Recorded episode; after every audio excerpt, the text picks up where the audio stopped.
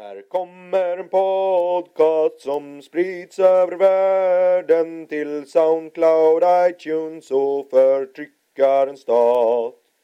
Den ropar två namn som håller oss samman. Den pratas om Marcus och Malcolm såklart. Den handlar om kampen som leder till seger för klasskamp och uppror den gör sig till tolk. Den riktar en maning till arbetarklassen och hälsar förtryckta nationer och folk. Ja, nej, fan. Det är inte, livet är inte lätt alltid. Just nu innan vi skulle spela in så var jag faktiskt på affären och så skulle jag liksom köpa mat faktiskt. Och så stod jag där vid ostdisken och jag kunde inte välja mellan västerbottenost och parmesan. Och jag stod där i liksom, jag vet inte vad, två, tre minuter liksom helt paralyserad av valet, liksom frihet. Var, var det bara det liksom enkla valet mellan två olika sorter utan var det också så här vilket märke på sorterna skulle ha, vilket företag som hade gjort dem också? Jo, nej men du, du har ju helt rätt där. Utan det var ju flera företag och de här olika sorterna. Så problemet var väl lite så här att det är fan, det är, man väntar på Sovjet när man går till affären och så ska du ha ost och så finns det en sort och den heter ost. Liksom. Ja. För frihet, fan det är ganska överreklamerat. Det, är- det, det, det, många gånger så är det ångest framför ostdisken när man nu ska liksom göra det perfekta valet. så. Men apropå val. Man kan ju nästan säga samma sak när det gäller politik idag. finns hur många märken som helst. Hur många valmöjligheter. Eh, men frågan är ju hur mycket faktisk, liksom, faktiska val som finns. Eller vad de här valen vi gör spelar någon sorts roll. Kan man vara lite fyndig och säga att man får samma gamla ost eller vad det heter? Samma, är inte den uttryck typ? Att man får det är väl, dålig ost. säkert gammal ost. Någonting. Gammal ost. Ge igen för gammal ost. Det är väl Ja. säkert något som någon skåning har kommit på.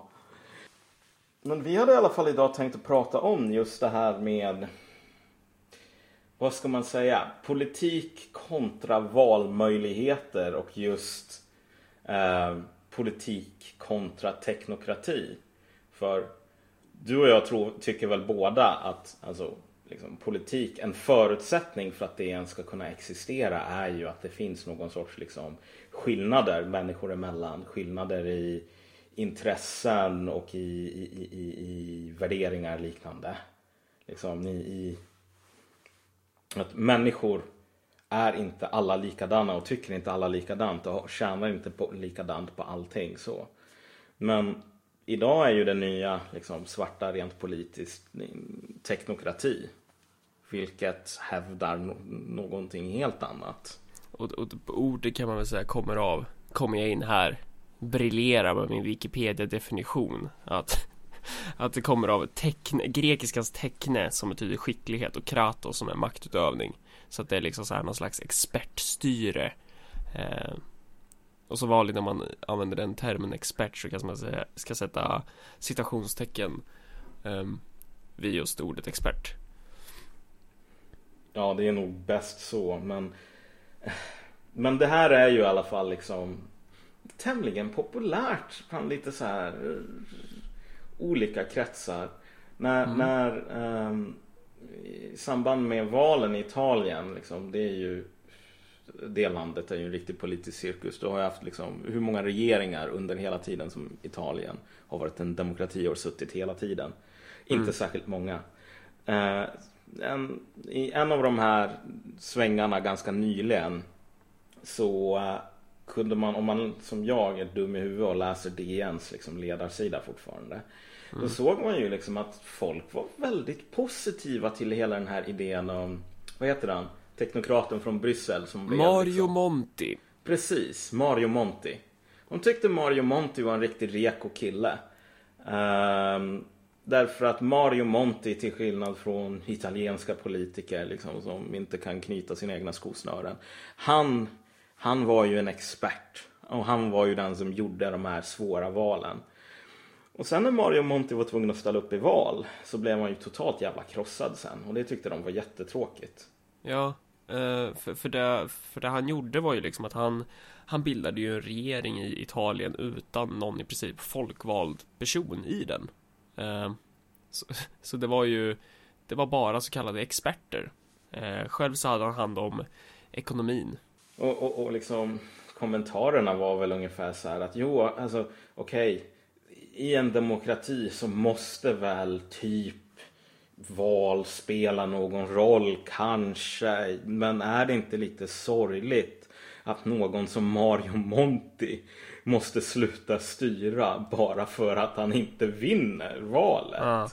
Alltså det var verkligen sådana vibbar och det det säger en hel del om liksom den tiden som vi lever i idag när Liksom, det finns väl egentligen inga anledningar att tvivla på att liksom, folket på DN är liberaler. Eh, det säger de ju själva att de är. Och det är väldigt många andra som säger att de är demokrater och liberaler och så vidare som tycker att teknokrati är skitballt.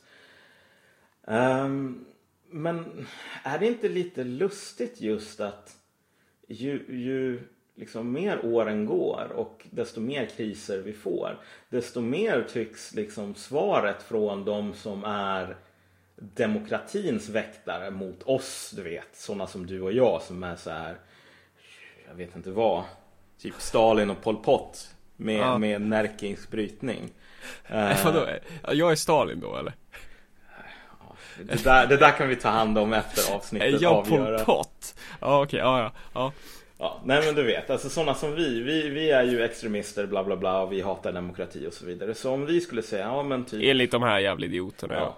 Så ja. Om, om, vi skulle säga så här, ja men vad fan, val, ska man verkligen ha det?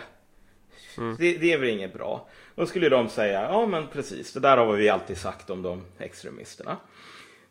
Men, men det, det fascinerande är att jag kan inte dra mig till minnes någon gång när jag har sagt så här fan, problemet idag är att när folk röstar så spelar ja. det någon roll.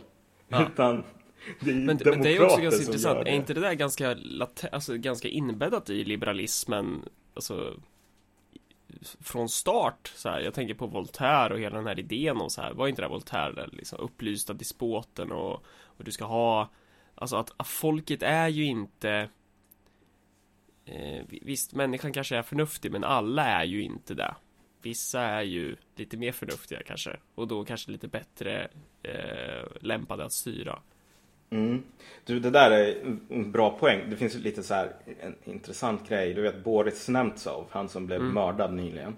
Ja. Um, folk, det, liksom, folk i media i väst överlag har ju försökt att få det till att jo men det här var ju Putin som låg bakom och så vidare och så vidare. Ja.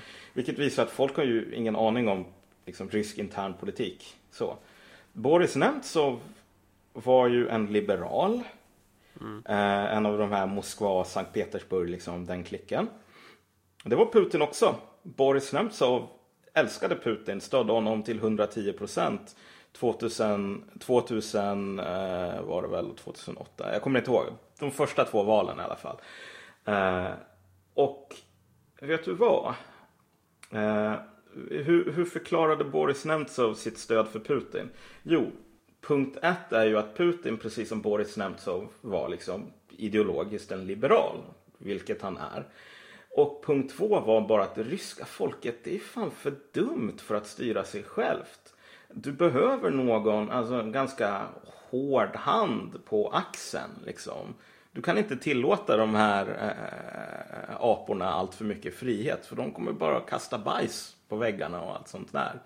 Så att, du vet, Putin är inte någon sorts liksom ärkekommunistisk vålnad utan han är ju den latenta tendensen så, han är en, mm. om, han är en despot men han är en liberal despot. Och, och, samma liksom resonemang hittar du i så här, det, det, finns ju många olika idéer om vad som är demokrati och så. Eh, men man kan väl säga, man kan väldigt brutalt kortfattat kan man ju hårdra två fåror där den ena liksom vill ha mer deltagande demokrati, vill ha liksom demokrati i ekonomin, alltså socialt och politiskt i termer av parlamentariskt då, då om man ens ska ha ett sånt parlament. Skitsamma, medan den andra liksom demokratiteoretiska fåran är typ så här representativ demokrati, alltså det vi har idag, typ att man så demokrati det är liksom att man var fjärde år eller var femte år eller var tredje år väljer man vissa personer som ska representera en i parlamentet. Och de som argumenterar för den sortens styrelseskick som vi har idag, det är ju samma slags argument. Att så här, nej men vadå, vi kan ju inte låta folket eh, ha för mycket makt. För att då kommer de ju fatta beslut, alltså de är ju för dum, folket är för dumt. Folket fattar inget. Eh, det är därför det är bra att ha politiker. Det är därför det är bra att politiker ska tjäna mycket pengar. Det är därför det är bra att de ska ha privilegier. Och du vet, allt det här. Det är ju en del av samma, samma resonemang på något sätt. Ja, men precis. Och det som man märker idag är väl bara att eh, liksom Italien, Portugal, Spanien, Grekland, alltså alla länder där du börjar få någon form av kris. Eh, någon form av politisk kris, ekonomisk kris, vad det nu kan vara det börjar knacka lite grann i systemet. Så även den sortens eh, ganska liksom avkloade makt, liksom folkmakt eller vad man nu ska säga som representativ demokrati är. Ja. Det är ändå lite för mycket makt. Ja precis, för att då, då finns det ändå en chans att det här korkade folket röstar på några som inte vill liksom eh, förstöra deras liv. Så. Men precis. Så... Och, det, och det är det värsta som kan hända. Det är ju eh, det, där, och det är väl då vi kommer in på det här med populism och varför det är ett så hemskt begrepp. Eh, men det kommer vi in på, det ska vi ta nästa avsnitt om visserligen, mm. men, men så. Att, att det, vi, själva den här idén om expertstyret eh, det, den klingar inte så jävla bra med, med idén om demokrati och, och de som Eh, ändå vill hävda att de är demokrater men ändå tycker så här att folket är lite för äckligt, folket är lite för dumma. Eh, de menar ju då på att deras expertstyre är den renaste formen av demokrati. Att så här, den deltagande demokratin, den direkta demokratin, den är mindre demokratisk än representativ demokrati. Det är ju så de argumenterar. Jo men precis. Alltså det där är ju det finns en mer, alltså det, en mer extrem version av det argumentet som är det här gamla jakobinargumentet. Vilket är så här. Det finns en folkvilja. Eh, men folket har liksom inte riktigt klurat ut vad den riktiga viljan är. De tror att de vill en sak. Men det är så kallat falskt medvetande för att låna från trottarna.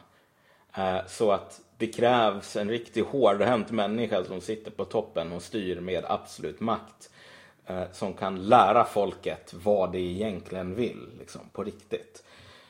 Eh, och det där, var ju, det där är ju på ett sätt ett radikalt argument och människorna som vill ha teknokrati idag är ju inte radikaler utan de vill ju försvara status quo till 110 procent. Men just det här med ja, som du sa, populism kommer vi komma in på nästa avsnitt. Men anledningen, alltså populism är ju ett skällsord för de människorna som vill ha expertstyre. Därför att eh, expertstyret är ju designat för att skydda oss från liksom, dumt folk med, som inte förstår. Tacka Gud du är lycklig du som fötts i en demokrati. Här får du arbeta,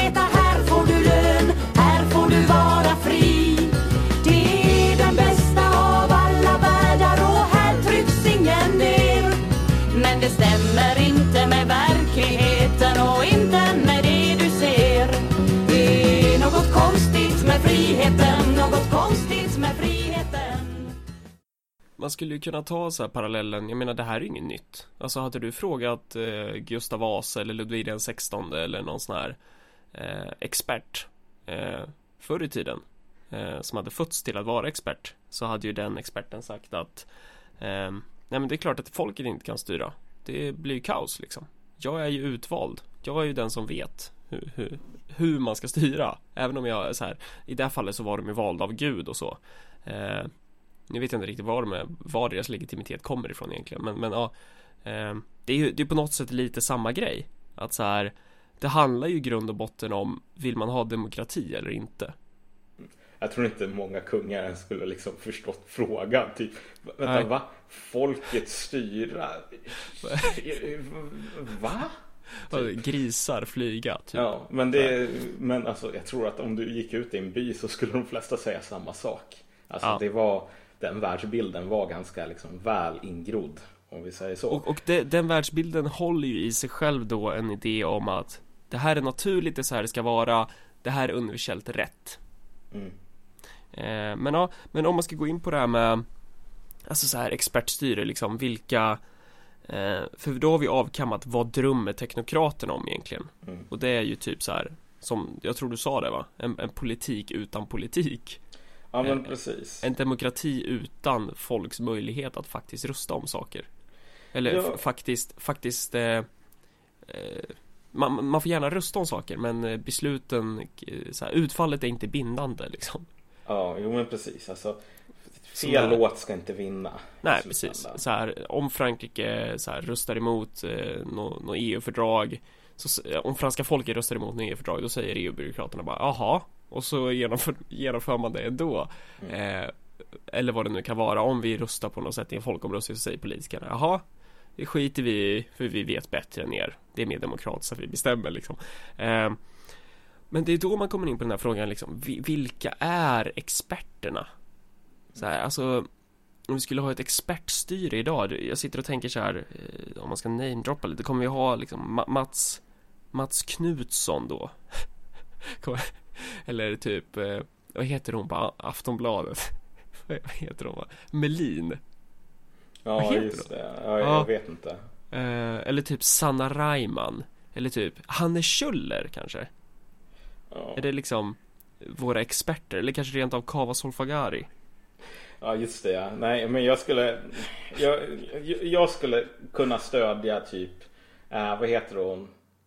Magdalena, Margareta Ribbing som utbildningsminister. Alltså okej fine. Det är väl Det skulle vara en sak. Men, men annars så håller jag med dig. Typ.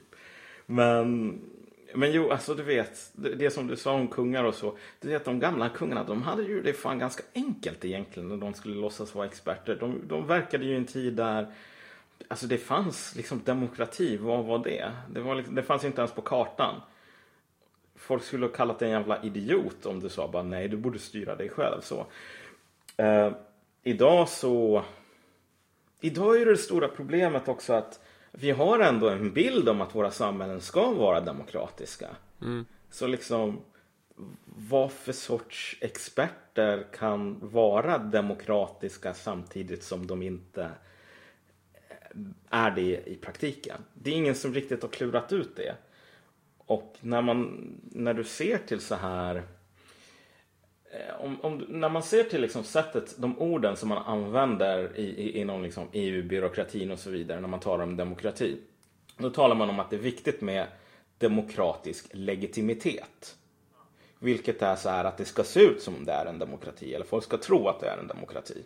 Alltså det är det som är det viktiga. Det är inte viktigt att det är en demokrati i praktiken. Uh, det, det är överhuvudtaget inte en faktor och det är snarare något negativt om det skulle vara så.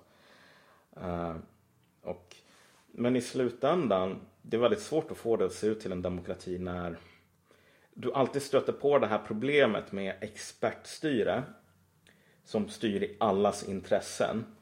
Att alla de här sorters eh, liksom, universalismerna är liksom, alla de här försöken att få något att vara allas intresse är i slutändan alltid en trojansk häst för vissa intressen. Precis. På samma sätt som kungen på medeltiden sa att han styrde i, i allas intressen. Ja. Men han kanske inte gjorde det egentligen. Nej, men precis. Eh, och på samma sätt så de här experterna som är Alltså som, som vi också är så här, det är alldeles vedertaget att man har en, en eh, liksom politisk analfabet som Mats Knutsson eller någon annan jävla sopa i morgonsoffan och ska liksom sitta och tycka till om saker. Och då är det typ så här som att de här personerna har ingen subjektiv ståndpunkt utan de är helt objektiva, de representerar en universalism. De representerar, alltså de, när de säger att den här, det här förslaget från parti X det, det kommer inte funka eller det, det är liksom, det är flum. Eh, att då tar man det som, jaha, ja men okej, då är det så. Men om typ nå vem som helst på gatan hade sagt det liksom, då hade det varit så här att, ja men vem fan är du? Vad vet du om det här? Ja men verkligen att det är en trojansk häst. Jag, jag läste ju nationalekonomi den här terminen. Och där kan du ju verkligen snacka om så här uni universalism. Alltså när man ställer frågor liksom hur hur ska vi bli av med arbetslösheten? Och då finns det bara ett rätt svar och det är typ att sänka ungdomslönen eller något sånt. Och, och svarar du eh, planerad ekonomi avskaffa kapitalismen eller något sånt. Det är fel svar. Och det var på någon föreläsning som professorn bara stod inför helklass. Vi var väl kanske 150 personer. Och alla sitter och lyssnar där på, på, på hur han predikar eh, det rätta så. Eh, och han säger så här att Nej men vi ser ju Enda sättet att Frankrike ska kunna lösa sin ekonomiska situation Det är helt enkelt att man ökar de ekonomiska klyftorna eh, brutalt. Alltså ökar dem ordentligt. Och vad tror ni en sociolog skulle säga om de hörde mig säga det här?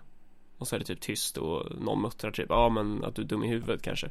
Ja men eh, så håller ju sociologer på med sociologi och jag håller på med ekonomi. Den sanna vetenskapen Ja, liksom. ja precis. Och där har vi det liksom. Mm. att, att den här universalismen Det är ju ett visst slags intresse Alltså Det ligger inte i folkflertalets intressen att Frankrike ska öka de ekonomiska klyftorna inom parentes. Vi vet ju, alltså så här, vi vet ju vad det, vad det innebär. Mm. Så. Att det innebär ju att folk ska dö. Liksom. Att folk ja. ska, så här, alltså det är ju, det är katastrof för människor. Eh, men det ligger ju i, i, kapitalisternas intressen och det ligger i, i, i det politiska etablissemangets intressen. Mm. Men det här är förtäckt som hela samhällets eh, rätta sanning. Ja. Typ. Ekonomi hette ju en gång i tiden politisk ekonomi. Ja. Och då var man ju, på den tiden var man ju fortfarande ärlig med att kolla. Det här är ett område där vi diskuterar hur samhället ska se ut. Och det är alltid en politisk fråga därför att det finns alltid liksom, olika intressen, olika grupper som tjänar olika mycket på olika arrangemang. Så liksom om du nu har, jag vet inte vad, frihandel eller om du avskaffar gillesystemet så kommer i och för sig vissa människor att tjäna och andra människor kommer att få det otroligt mycket fattigare och så vidare och så vidare. Ehm, så att man hade hela tiden ögonen på just att när vi diskuterar ekonomi så diskuterar vi i slutändan liksom, vem tjänar på vad? Och liksom, vad är rätt och vad är fel? Inte i, i någon teknisk mening utan i, i, i en sorts moralisk mening också. Liksom. Ja, så det det handlar om, alltså det experter gör är att de universaliserar sin subjektiva ståndpunkt. Mm. Det där har varit jättetydligt i samband nu med eurokrisen därför att när man liksom ser till den ekonomiska ortodoxin som man använder Mm. Så har det ju varit ganska mycket så här. Det var någon, jag kommer inte ihåg vad de heter, men några bevisade att om du hade skulder över X liksom, procent av BNP så liksom reduceras, reducerades din ekonomi till stenåldersnivå. Liksom. Och så visade det sig att det där var ju bara fusk. Det där, den undersökningen var ju totalt alltså baserad på felaktiga antaganden och en del liksom, tekniska misstag i liksom jävla Excel typ. Man hade eh, liksom länkat fel tabeller och liknande. Eh, och det där är någonting ganska vanligt, den sortens liksom fuskvetenskap, den sortens liksom fuskbyggen överlag. Bara för att rättfärdiga den här eviga sanningen så. Eh, och som sagt, man hoppas ju kunna göra de här sakerna universella för att liksom undvika massor med jobbiga saker. Och typ man kan se samma tendenser ibland hos typ vänstern. Ja, många definitivt. Länder. Absolut. För vi kommer ju ha ett avsnitt om nationalism framöver tror jag. Eh, men nu håller det på att pågå en sån här debatt typ. Oh, liksom, ska vänstern våga vägra flaggan bla bla bla sådär. Och då, jag tror att om man tror att nationalism är flaggviftande i Sverige, då har man ju fan ingen jävla aning om vad det är. Den sortens nationalism som alla tycker om i Sverige, det är att låtsas att Sverige är det bästa landet i världen, samtidigt som de låtsas som att de inte låtsas som om Sverige är det bästa landet i världen. Men okej, okay hur som helst. Det här argumentet då liksom är ju att nationalism är så här exkluderande och det, du vet, om man säger jo men här finns det bara svenskar i det här landet. Då döljer man att det finns massor med ekonomiska liksom, klyftor mellan en Svensson och en Wallenberg och så vidare. Och det är ju helt sant. Men om du föreslår då som lösning för vänstern att det är så här, vi måste ha mer universella människovärden. Vi måste tala mer universellt, typ. Ja, om, om, inte om svenskar utan om människor, mänskligheten.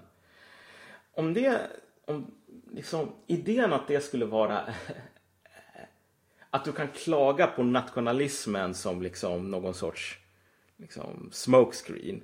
Och sen vill jag tala om problem som klimatförändringar. Eh, I termer av det här är ett problem för alla människor. Det är ju hyckleri så att det finns inte. Därför att du vet, Bangladesh är inte så jävla ansvarigt för klimatförändringar. Och det är inte massor med liksom, små öar i, i, i Oceanien och liknande heller. Liksom. Fiji och så vidare. Det är inte de som orsakar typ sjunkan, eh, höj, liksom, att vattenytan höjs liksom, för varje år och så vidare. Att polarisen smälter. De har fan ingenting med den saken att göra, men de tar majoriteten av de negativa konsekvenserna. Medan vi i Sverige, liksom, av olika anledningar, eh, är en del av den lilla grupp länder som har liksom bär den förkrossande majoriteten av ansvaret för koldioxidutsläpp och tar den minsta andelen eh, skada av det. Du kommer fan inte ha tsunamis i Stockholm. Du kommer inte ha tsunamis mot Skåne heller, tyvärr. Eh, men, men det kommer du få i de länderna som oftast haft minst att göra med det. Som du som en jävla svensk vänsterpajas håller på och säger så här. Nej, det här är inte, här finns det inte svenskar och greker och judar och bla bla bla. Här finns det bara människor. Då gör du det som du anklagar nationalisterna för att göra fast tusen gånger värre liksom. Så att det finns inga universella liksom, vi är alla människor så därmed sagt så betyder ju inte det att nationalism alltid är någonting bra. Och nej, nej, bra menar jag då inte. utifrån, utifrån oss som vill uh, så här, uh, ha ett annat slags samhälle bra. Eller om man ska vara ännu mer konkret liksom. Men, men så här att uh, eller att det alltid är dåligt utifrån en viss ståndpunkt. Och det är det som är problematiskt med vänstern, att man argumenterar ju som man ser inte nationalism utifrån ett politiskt sätt att se på det. Man ser inte nationalism som ett verktyg eh, och, och, målet är att nå något slags resultat utan man ser nationalism som jag vet inte eh, att det blir så löst på något sätt. Mm. Ja, nej, men det där kommer vi återkomma till i framtiden. Ja. Men alltså, liksom, det finns ju en, verkligen en kärna av sanning i liksom, det här argumentet om att nationalism suger på grund av att du vet, det här är inte ett land där som är liksom harmoniskt och där alla svenskar tycker likadant och så vidare. Eh, det, liksom, det, det försöker, man försöker universalisera bort massor med liksom, partikulära skillnader. Men lösningen på det, men det, det, är ingenting som är unikt för nationalismen. Det är unikt för, det, det har att göra med alla sorters försök att säga att nej, här finns det bara människor eller här finns det bara svenskar eller vad det nu kan vara. Som ett sätt att dölja de här liksom, faktiska skillnaderna. Så att lösningen på nationalismens problem, om man tycker att det är nationalismens problem, det är inte att ta de här problemen och förstora dem liksom, gånger hundra. Um, så det här, den här sortens, eh, liksom att tala om experter, tala om alla människor försök eh, ha ögonen på vad det är för någonting som folk faktiskt försöker sälja dig. För det är alltid någonting som de försöker sälja dig i slutändan. Varje gång som man talar om alla svenskar eller alla människor eller vad det nu kan vara.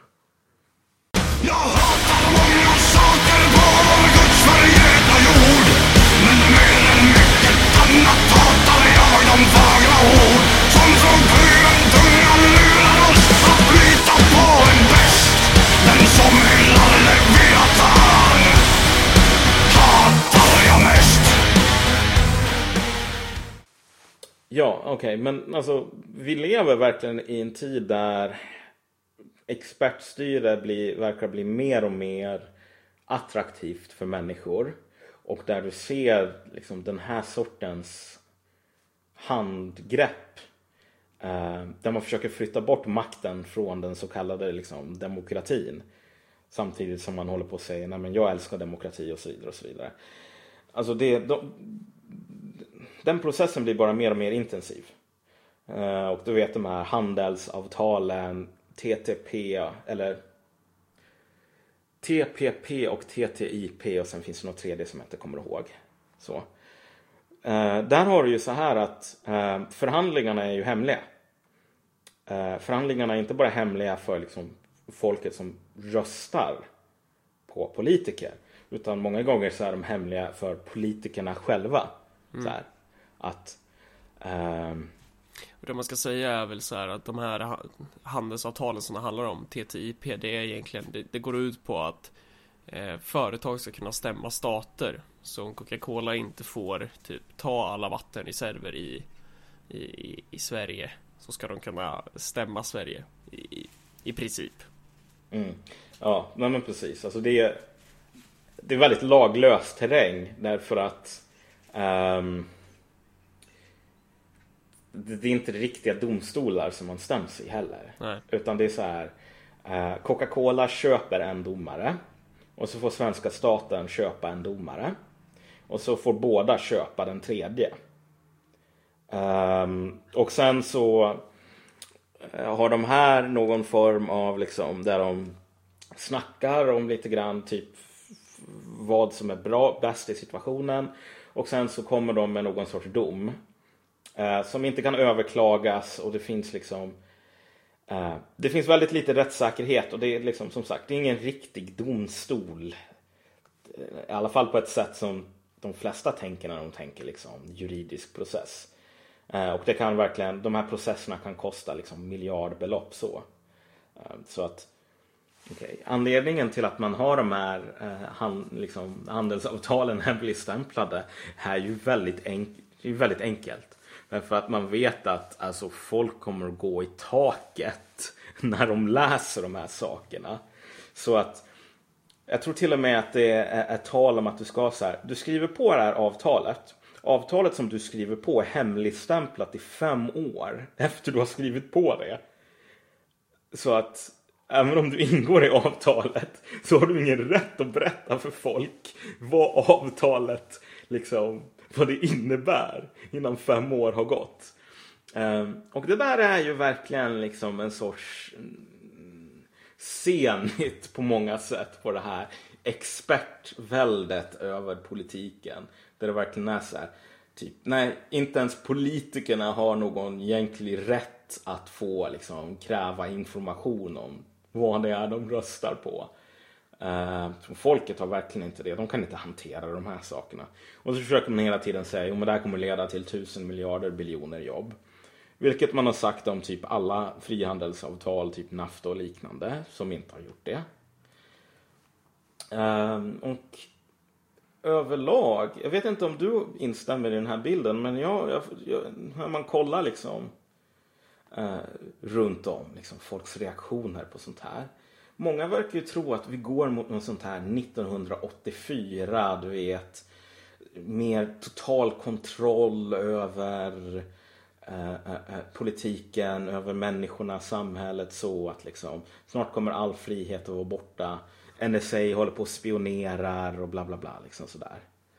Um, jag vet inte om du instämmer i den bilden att många liksom tycks, tycks tro det. Jo, det är väl klart att det finns en, en bild av att folk tror det. Alltså jag själv menar ju på att vi kommer gå mot en väldigt mycket mer auktoritärt samhälle. Mm. Eh, men jag vill ju inte göra någon slags försök till att sia om framtiden här, alltså på ett sätt som, hur ska man säga? Det är inte för, alltså jag tror att, jag tror att det finns intressen av det, absolut. Men jag mm. tror inte att, att de här intressena kommer stå oemotsagda, om man säger så. Eh, och, och mm. det går väl att göra någon slags parallell till eh, till typ så här tiden innan franska revolutionen. Hur, hur, hur den härskande klassen betedde sig på den tiden. Här, Mm. När saker börjar gå åt helvete att så här, det, det man gör från så här högadens sida det är att man börjar roffa åt sig ännu mer av det man typ så här redan roffar åt sig. Eh, så man ska ha, så man märker bara okej det här sjunker, nu ska vi fan ta, vi ska ta allt. Jo. Jo men precis. Alltså Frankrike innan revolutionen var ju liksom väldigt delat. Du hade ju eh, Ludvig den XIV, Solkungen, som liksom var den här arketypiska, liksom absoluta monarken. Och han blev ju en absolut kung genom att snå åt sig massor med makt från eh, högadeln. Eh, och sättet som han gjorde det var liksom liksom hovet vid Versailles bjöd in massor i högadeln så att man kunde hålla kontroll på dem. Så att han, han styrde ju dem ganska personligen så.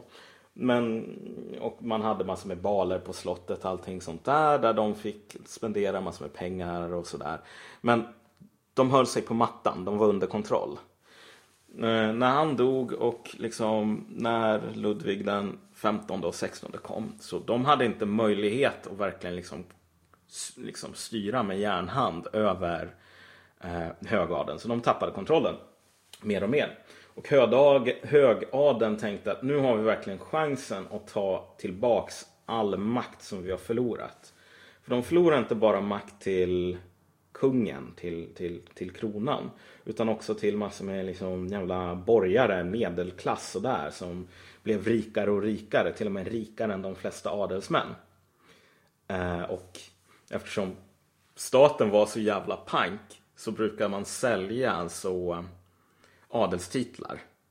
Ehm, och det tyckte högadeln inte alls om. Utan de, de, de ville ha ett samhälle som var baserat på börd. Och de levde i en tid där mer och mer gjorde så att alltså, det spelar ingen roll om du var adelsman. Du kunde fortfarande bli slagen ekonomiskt, utbildningsmässigt av någon som liksom bara någon vanlig jeppe. Mm. Någon jävla ockrare liksom.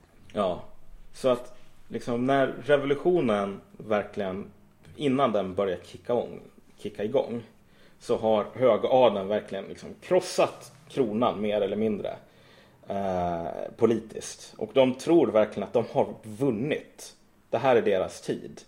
Så att vad de gör är ju liksom att de Eh, Ehm, det finns ett par lagförslag liksom som de klubbar igenom. Ett är typ att man, man avskaffar eh, poängen med att köpa adelstitlar många, många gånger. Liksom, för att de här adelstitlarna som folk har köpt, lagt ner miljoner på tidigare. De blir nu värdelösa för du kan inte liksom få något jobb inom regeringen för dem längre. Så det är den första saken man gör. Den andra saken som man gör det är att man liksom eh, man, vill, man föreslår att liksom varje kommun eller liksom någon ganska liten kommun ska ha en ska alltså anställa en person som sysslar med släktträd för att kontrollera att um, liksom alla som ska ha mm, jobb, liksom de här sitta liksom i domstol eller någonting, är, har liksom adel som går tillbaks liksom 400-200 år eller något sånt. Liksom. Väldigt lång tid. Eh, och det, det är ju mer makt än vad man någonsin haft rent officiellt egentligen. Därför Så, att att, så att alla, alla så här fina positioner i samhället Ja. ska tillfalla den här klassen. Men precis, och mycket av adeln vid den tidpunkten är rätt så ny. Har liksom tillkommit de senaste 200 åren. Ja. Men nu sparkar man bort stegen liksom för evigt. Så, Så det är en tänker man. liten, liten, liten grupps försök att roffa åt sig ännu, ännu mera makt. Mm. Ja men verkligen. De tror verkligen att de har vunnit. Liksom. Nu, Ja. nu, nu har vi verkligen cementerat det här ståndssamhället som kommer att vara i liksom, tusen år. Som inte kommer att gå att rucka på. Ja. Så här, ett år senare så är Frankrike mitt uppe i ett inbördeskrig. Liksom, revolutionen är ett faktum. Liksom, kungen är inlåst. Allt det där. Liksom. Så att det verkligen liksom kvällen innan eh, ståndssamhället som sådant verkligen permanent liksom för evigt förpassas Ja. till liksom sophögen. Och de här eh, av börd eh, framkomna experterna eh, börjar tappa huvudet en för en. Ja. Ja men precis. Det är, då, det är liksom då som man verkligen firar sin största triumf. Ja, precis innan ett, par, ett par år innan alla får, får huvudet avhuggna. Och det där är lite samma sak. Alltså det, det kommer antagligen inte att bli någon 1800 liksom, eller 1984 där, jag vet inte vad, eh, det inte längre finns några stater utan Coca-Cola styr hela världen och så vidare. Eh, Det finns drömmar om det, självklart. Och det finns folk som är väldigt, väldigt entusiastiska för att de tror att, ja men vet du vad, bara vi hemligstämplar de här. Alltså, det, det, man ska ju inte hymla med att det finns starka intressen som vill dit. Att det finns, alltså så här. Den härskande klassen idag vill bygga ett sånt samhälle. De vill ha ett jävligt auktoritärt samhälle där de kan skydda sig från folket. Eh, det är ingen snack om den saken, men eh, sen om vi kommer dit, det är en annan fråga. Men Ja. fortsätt. Ja men det är därför som, det är därför som Boris Nemtsov, som om han hade bott i Sverige så skulle han ju passat in 100% på DNs ledarsida. Älskar Putin. Eller älskade Putin. Innan Putin slutade svara på telefonsamtalen liksom. Eh, därför att han, för honom var Putin den här som verkligen kunde ge det här expertstyrda samhället där man låtsas att man är en demokrati. Eh, Men där det finns någon som håller hårt liksom, i nyporna som ser till så att folk inte har den här sortens frihet som gör att fel låt vinner. För att det som behövs är helt enkelt att mer och mer makt, mer och mer resurser måste hamna på färre och färre händer enligt experterna. Ja men precis. För att det är Och, dessa färre händers intressen som experterna företräder. Och om folket inte håller med om det, då måste man ju hitta på något sätt för att se till så det här korkade folket inte står i vägen helt enkelt. Mm. men det där, det där kan inte... Alla försök att bygga tusenåriga riken brukar, de brukar falla liksom, upp som en sol, platt som en pannkaka. Liksom. Så att det här tusenåriga, äh, äh, äh, äh, man talade verkligen i de termerna, det odödliga ståndssamhället. Liksom. Den här naturligaste av alla ordningarna som skulle vara för evigt. Varade inte ens liksom ett år efter att man sa det här. Och den här sortens drömmar idag om ett ex expertstyre där man kan liksom säga till 99% av befolkningen, ja, ni behövs inte längre. Liksom. Era åsikter slänger i väggen. Men vi har fortfarande en demokrati. Liksom. Ja, alternativt att så här, eh, ja men ni, ni kan rösta här, men ni får samma, det blir samma politik oavsett. Det verkar som om det är en framgångsmodell och det är väldigt många som håller på och hyllar hur jävla bra det går. Jag, jag skulle säga till de människorna eh, Tänk efter ett par gånger faktiskt. Alltså det här menar jag inte som någon sorts liksom fördolt hot eller så utan bara att det där, jag menar det, revolutioner och liknande det, är- ja, det är ingenting kul. Man ska inte hålla på och romantisera sånt. Det är inte som om typ Frankrike efter den franska revolutionen var så jävla ballt ställe att leva i liksom. Nej, Eh, det var ingen tebjudning så att säga. Nej men precis. Och det liksom kickade igång ett halvsekel. Liksom, eller inte ett halvsekel. När, eh, eh, liksom 25 år av liksom, brutalt krig på Europa. I Europa. Men, eh, men hur som helst. Alltså, alla de här drömmarna om, om, om liksom, vi har vunnit, vi har vunnit. Eh, högmod går före fall tyvärr. Så brukar det bli. Och jag tror att högmod kommer att gå före fall även i den här gången.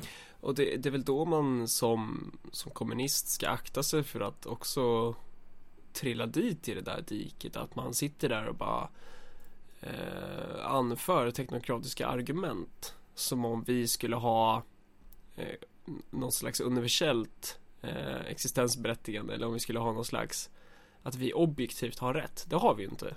Eh, vi har ju rätt utifrån en viss grupp av människors intressen.